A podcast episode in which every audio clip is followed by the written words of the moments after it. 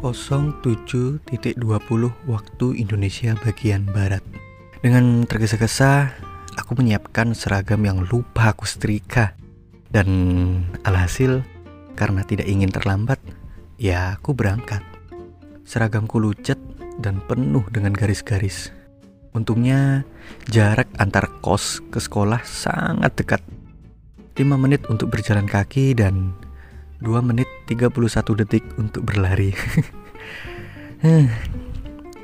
Mulai terdengar suara lagu-lagu nasional yang selalu diputar di sekolah setiap pagi sebelum jam pelajaran dimulai. Yang tandanya aku hampir tiba di sekolah. Sesampainya di gerbang, aku melihat jam dan yap, 07.29. Kurang dari satu menit lagi untuk bisa dibilang murid yang terlambat. Di situ aku melihat guru BK yang sudah standby Kayaknya sih sudah sangat lama ya dia berdiri. Dan guru BK itu bilang ke aku, Rangga, ya kamu benar. Kamu tidak terlambat hari ini. Tapi lihat seragammu. Murid seharusnya rapi dari cara berpakaian. Oblah, oblah, oblah, oblah, oblah. Aku bosan mendengar ocehan guru BK itu. Dan ya aku balas. Dengan senyuman sambil menunjukkan dua jari kepadanya. Yang tandanya peace man. Ia adalah guru BK yang sering mengomentariku. Namanya Pak Jaya. Terkenal dengan kumisnya yang lebat dan rambut yang putih. Saya tahu beliau orangnya sangat perhatian kepada muridnya terutama kepadaku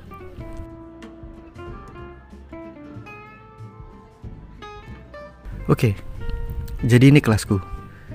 Jika kalian mendengar suasananya sangat normal, seperti kelas pada umumnya. Dengan murid perempuan yang berkumpul, lalu membahas topik dan selalu membicarakan orang. Ada juga murid yang membentuk geng dan selalu membuat onar di sekolah. Sehingga bolak-balik ruang PK tentunya adalah hal yang lumrah. Dan ada juga murid yang pandai yang selalu menyendiri. Introvert kata orang. Dan lucunya, itu aku. Ya, ya mungkin kalian tidak percaya bahwa aku ini pandai dan selalu menyendiri. Ingat, orang pandai tidak selalu baik. Nih, contohnya aku. Suka berargumen dan adu mulut dengan guru.